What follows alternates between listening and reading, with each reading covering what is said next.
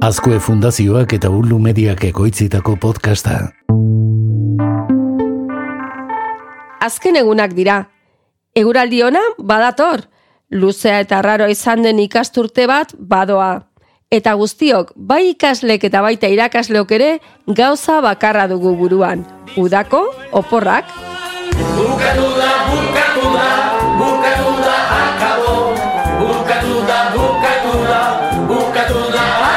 Ei, egon, bukaera da baina ez da guztiz bukatu. Egun batzuk geratzen zaizkigu oraindik. Eta zer egin dezakegu azken txapa honetan ikasleen motivazioa mantentzeko? Nola esan diezaiokegu agur ikasturteari eta ikaslei modu duin erakargarri batean? Kaixo, maite goni naiz eta hau amar minututan da hezkuntza eta teknologia, teknopedagogia lantzen duen podcasta.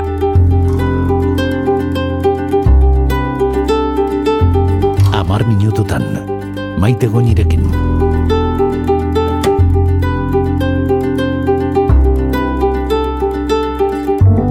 Baina, baina, e, hau da azkena?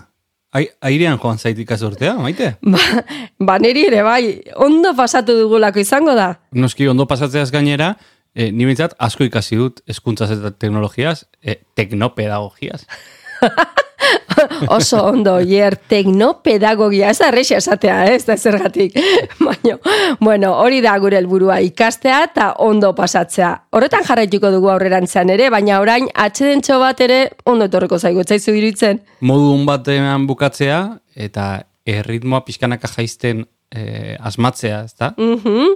Baina azken egunetan ere zerbait egin beharko dugu, ez da? Orduan, zuk zer egingo zenuke oier? A. Azterketa sorpresa. B. Errepasoko ariketak. Edo C. Jolas ezitzaileak. Hombre, ba, Tik-tak, tik-tak, tik-tak. hiru aukera horien artean, e, ba, argi dago, jolasak aukeratuko nituzkela. Bai, banekien hori esan bartzen nula.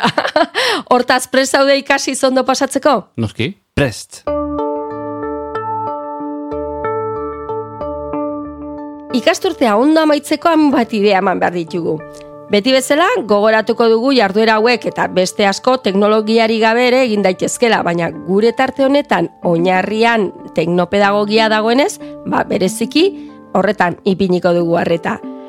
Hori argituta, has gaitezen gure proposamenekin. Bat, jolas festa bat egitea, hau da, olimpiada bat jolas ezberdinekin, horretarako worldwall.net erabiliko dugu. Ingelesezko hitzak dira, word, hitza, eta pareta, wall. Puntu net. Hori da. Eta bueno, beti bezala emango ditugu, eh, elbideak. Ba, e, kasu honetan, modu errazean jarduera ezberdinak sor ditzakegu aplikazionekin.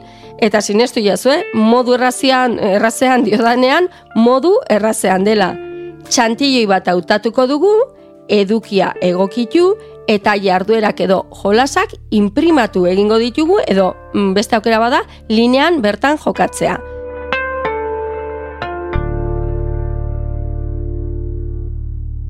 Eta ze jolas mota zorditzakegu? Ba, adibidez, bueno, pila badaude, eh? Random wheel. Imaginatu gurpil bat, errulit, erruleta baten modukoa, baina zenbakiak izan ordez, aginduak dituena. Imaginatu, eh? Adibidez, bira egiten du gurpil horrek eta geratzen da ti ti ti ti ti ti ti, ti plum zeregin zehatz batean geratzen da eta tokatzen zaion ikasleak ba hori egin behar du.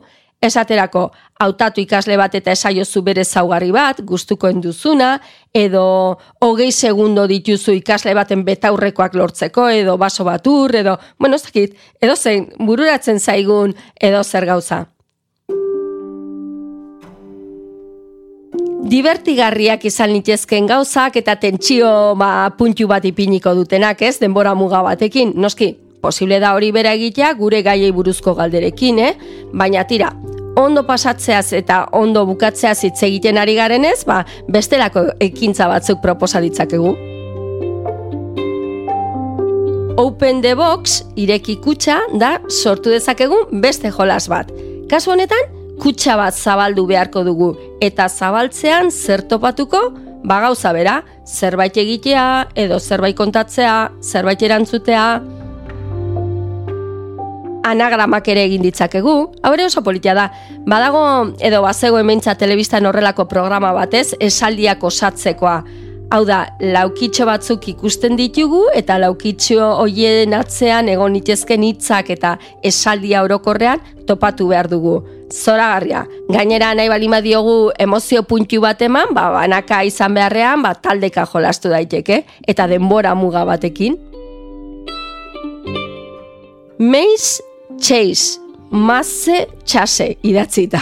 bueno, ba, aplikazionekin ere beste hau egin dezakegu, eta hau izango itzateke bideo joko baten antzekoa, baina galdera eta erantzunekin, alegia, galdera bat egiten da, makinak edo programak egiten du galdera bat, eta gu, e, bueno, eta ikusten ditugu tabloiaren toki ezberdinetan, ezkerrean edo eskuinean edo goiko aldean, e, erantzunak, eta gu e, avatar bihurtuta joan barra daukagu, erantzun egokiaren bila muñekitoak izango bagina bezala tabloi horren gainean.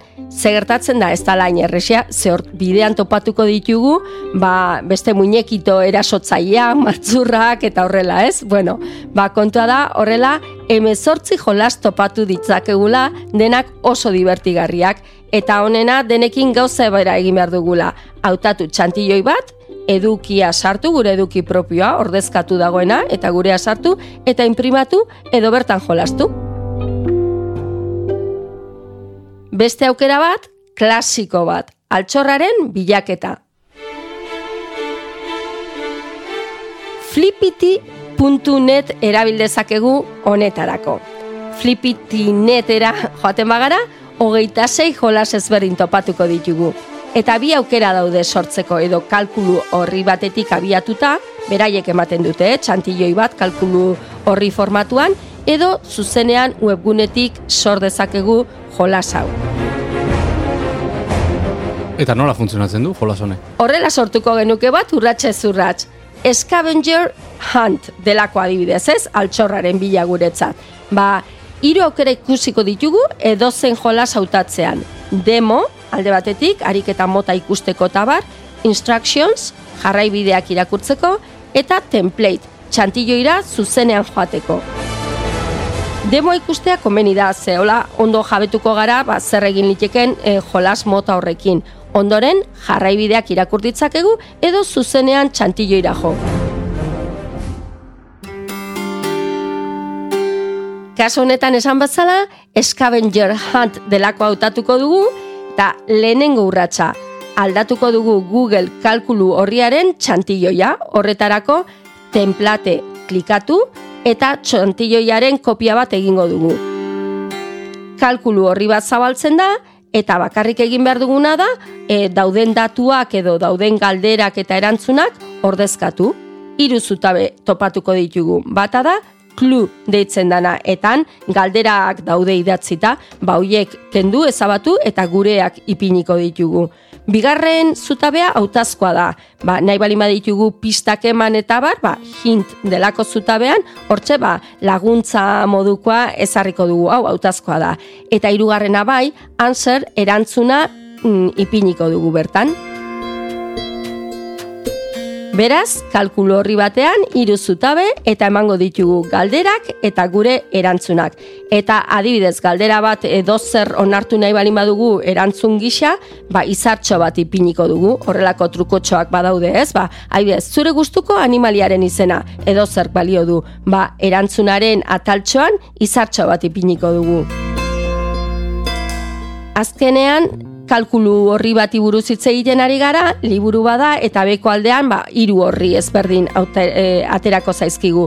Ordun lehenengoan Scavenger Hunt ipintzen duen horretan ba nahi dugun izena ipin dezakegu eta gero oso importantea ez da editatu behar atzeko planoa e, txantilloi horretan urdina duen gelaskarik. Ze horrek sortzen du jolasa. Beraz hori ez dugu editatuko. Bigarren urratsa izango da, argitaratu kalkulo horria. Nola? Ba, joango gara fitxategira, argitaratu sarean, eta azkenik argitaratu botoian klik egin. Ondoren, beko aldean berriz, eskuratu flipiti.net esteka topatuko dugu, e, irugarren horri bat, eta antxe bertan klik eginda, ba, lortuko dugu esteka edo URL-a, behin esteka lortuta, ba, partekatu dezakegu esteka hori ikaslekin edo jolastu nahi dugun edonorekin.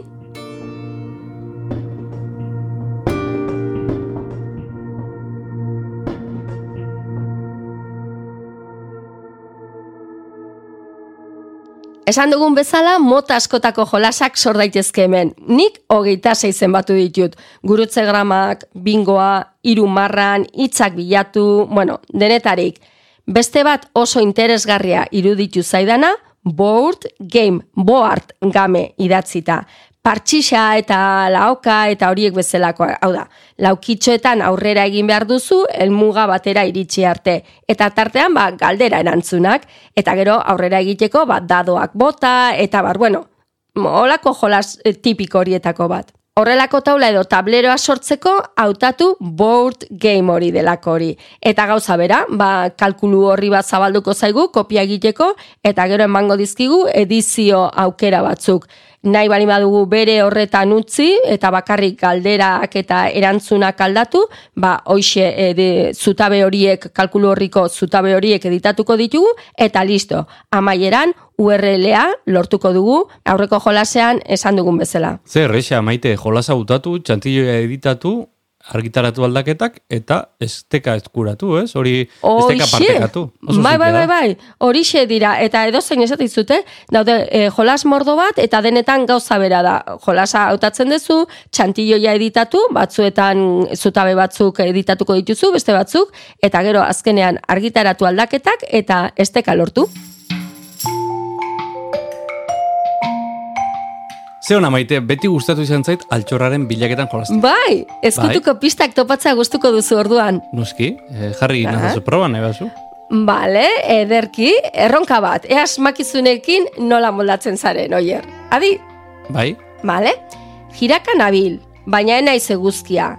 Gauza gordetzen ditut, baina galdu egiten naute. Ze naiz? Ufa, jiraka nabil, baina enaiz eguzkia... E, oso zaila jarri da, zu maite, eh? Baizea, errexea da, pentsatu pixka bat. Bitartean, ikasturtea ondo bukatzeko beste ideia pare bat azalduko dizkizut. Bueno, e, zaiatuko naiz asmatzen. E, e, galdu egiten haute, gauza goratzen dut, e, bueno, ez dakit, nina galdu hemen. no, emaia zu pista bat, gutxien? Vale, ongi da, pista bat, eh? Zure objektu horrek lotura estua du jarraian azalduko dudan jolasarekin. Breakout edu delakoa. Mhm. Breakout edu, delako hori, escape room jardueren antzekoa da. Alegia, escape room baten proba ezberdinak pasatu behar dituzu gela batetik irtetzeko. Hori badakigu, ezta? Ba, breakout edu digitalen helburua da, proba ezberdinak gainditzea, hau da, erantzun zuzenak lortzea, eta hoiekin kode bat lortzea, giltzarrapo bat duen kutsa bat zabaltzeko, eta hori dena denbora mugatu batean. Modu ezberdinak daude, breakout edu digitalak sortzeko, batzuk beste batzuk baino sofistikatuagoak, korapilatxoagoak, landuagoak, guk komplikazio handiegiri gabe egiteko modu bat azalduko dugu. Horretarako, geniali aplikazioa erabiliko dugu.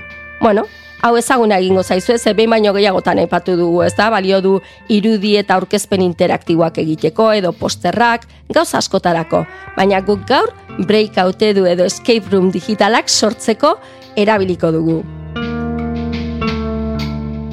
Genial.li E, azalduko diazu urratxe zurratx, nola den kontua? Hori da, genial.li, da joango gara, kontua sortuko dugu, ez badaukagu lendik, eta ezkerreko menuan inspirazion delako atalean klik egingo dugu. Beste irakaslek sortutako aurkezpenak, jolasak, irudiak, denetarik ikusteko. Eta antxe bertan bilatzaile badago, eta bilatzaile horretan ipiniko dugu escape room, escape room, edo breakout edu, break out edu.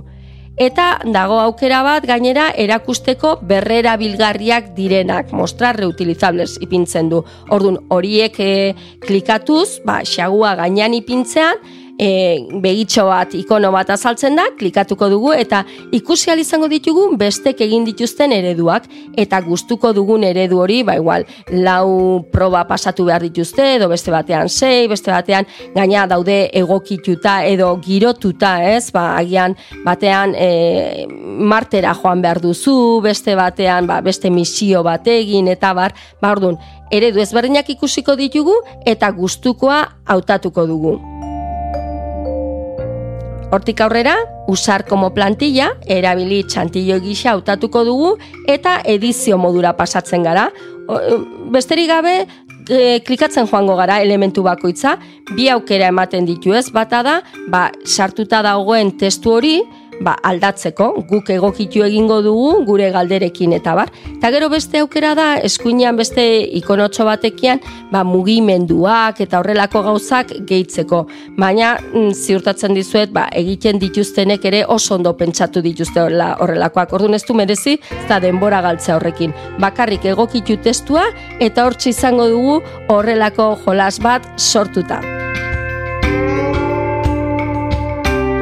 Amaitzean, listo klikatu eta izenburua emango diogu sortu berri dugun jolasari eta nahi bali badugu bestek ba, guk egin dugun bezala berrera bildezaten guk sortutakoa, ba, aukera hori gaituko dugu. Berriz ere listo klikatuta, URL edo elbide publiko bat lortuko dugu ikaslei helarazteko.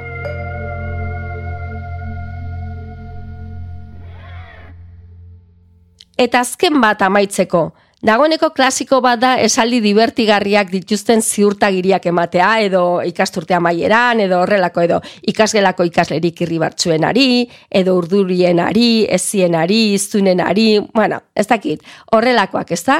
E, batez ere hauek ume txikiekin eta hor txikiekin e, funtzionatzen dute gehiago horrelakoek ikaslek beraiek egiten baldin badute gainera asko zere hobeto. Zozketa bat egin dezakegu, ba, bata besteari ba, zeini eman sari hori, nola baite esateko, eta gainera horrela e, sortzen ipiniko ditugu ikasleak, sortzaile bihurtuko ditugu, eduki sortzaile, eta mm, ba, okurritzen zaien zerbait positiboa beti ere e, esango diote aldamenekoari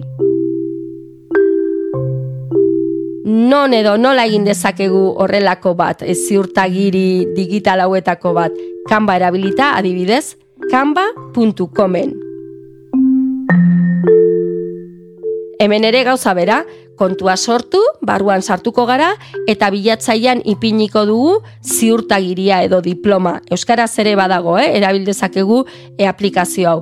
Orduan, e, topatuko ditugu diploma eredu ezberdinak eta gustukoa duguna klikatu eta hortik abiatuta letrak, letra tamainak, mezua alda dezakegu eta amaieran badaukagu deskargatzeko aukera. Hau ere politia eramateko etxera, ba, batak besteari sortu diona, ba, oroigarri gisa eraman dezake etxera. Edo besterik gabe ere webean ikus dezakegu. Amaitzeko gogoratu, kontu bat sortu behar badute ikasleek bi aukera ditugu gutxienez. Bata eskolako posta erabiltzea eta bestea aldi baterako korreo bat erabiltzea.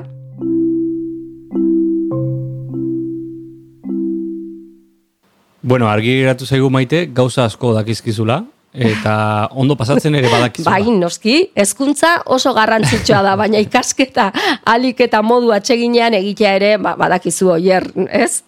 Oso oso garrantzitsua da. Gehiago esango nuke maite, jolas bat bihurtzea da, giltza. bai, bai, asmatu duzu oier, askotan izaten da hori soluzioa. Jiraka nabil, baina ez naiz eguzkia, gauzak gordetzen ditut, baina galdu egiten haute, giltza. Oixe, oier, oso ondo, ikusten nola etzen hain zaia.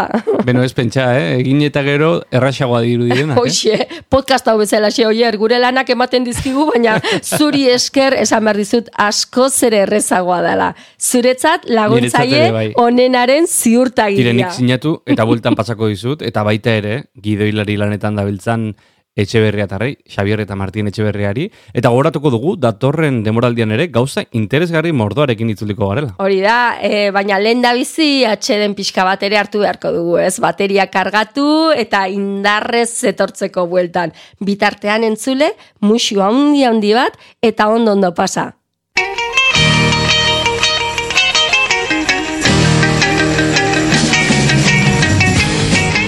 Gustatu bali mazaizu, gogoratu partekatu dezakezula sare sozialetan eta asko eskertuko dizugula eta audio plataforma guztietan topatu dezakezula amar minututan.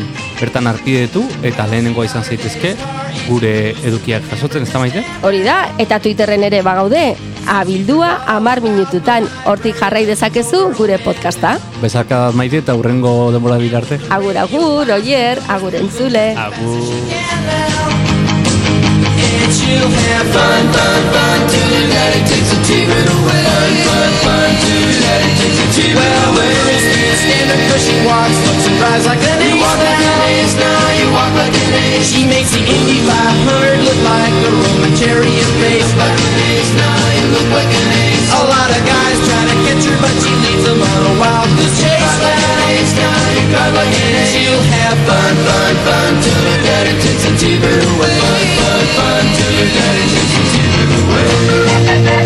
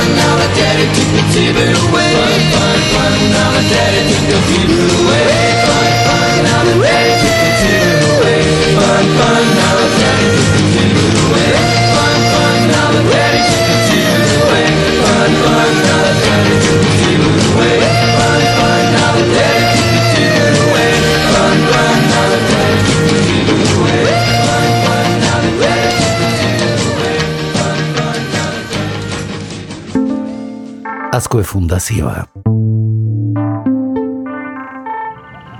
Ey, txt, entzun hori. Ulu Media.